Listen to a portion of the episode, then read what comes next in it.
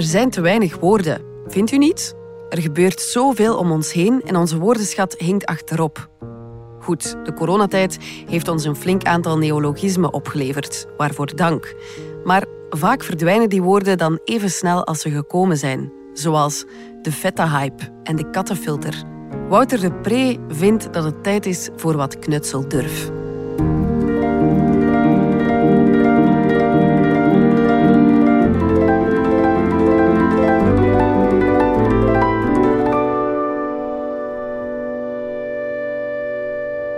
Knutseldurf.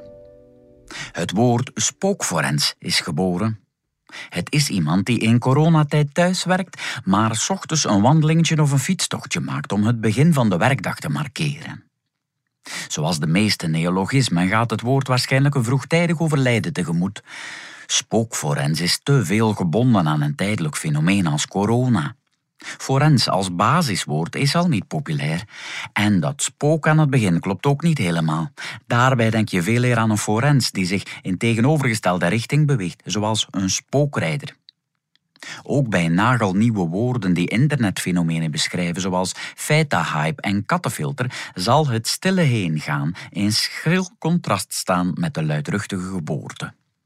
Hoe lekker het receptje ook is, hoe hilarisch ook de poezelige advocaat, morgen is er alweer een nieuwe verstrooiing. Toch mogen we blij zijn dat feta-hype en kattenfilter even zullen hebben bestaan. Ze bewijzen de knutseldurf waarmee de Vlaming nieuwe woorden assembleert. Toegenomen zelfzekerheid is het, volgens professor Nederlandse taalkunde Johan de Kaluwe. Lekker neologisme lassen in je verbale atelier.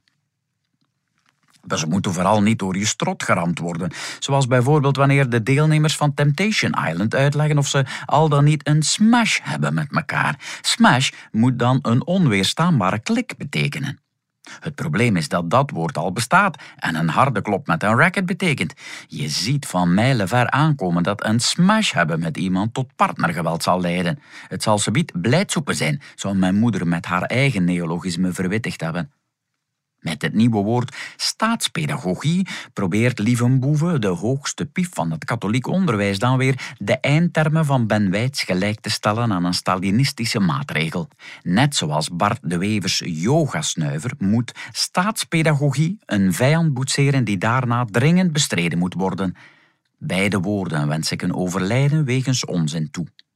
Nee, dan kweten de net overleden Luc Verstijlen en zijn bende in Viersel zich beter van hun taak. Tot hun agalefsicon behoort Anderslander, een vlotterbekkend alternatief voor het beladen allochtoon. Gelijklievend is mooier dan het ouderwetse en ongemakkelijke homofiel en het slissende lesbisch. Beiderlievend klinkt dan wel weer te stoffig om het klinische biseksueel te kunnen vervangen. Ook het Vlaamse ongemak om over seks te spreken stelde ze terecht vast. Ofwel klink je gevoelloos en gefrustreerd als je praat over neuken en poepen. Ofwel klink je als het kind van een gynaecoloog en een Romein met penis, vagina en coitus. Ofwel doe je een ingebeelde stofjas van de collega's aan en spreek je over geslachtelijke betrekkingen.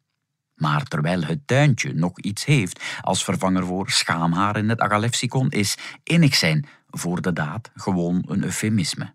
En bij de diepste draai als alternatief voor coitus vraag je je toch vooral af of die piemel en vagina wel juist gevormd zijn.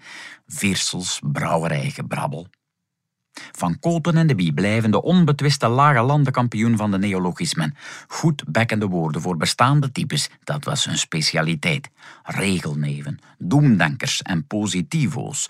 We wisten wel dat ze bestonden, maar Van Koten en de Bie gaven hun een naam die bovendien praatpret verschafte. Ach, hoeveel onontgonnen terrein is er nog? Hoe kan het dat we, slechte verliezer, nog altijd met twee woorden moeten uitdrukken? Is plezierpijn een mogelijk synoniem voor het wat chique melancholie? Of doet het te hard aan sadomasochisme denken? Wie bedenkt het woord voor het stoten van je teen tegen de poot van een stoel? Die negatieve rente op de spaarboekjes, is dat een peuzelpercent? Werk aan de winkel. Gelukkig hebben we ondertussen knutseldurf.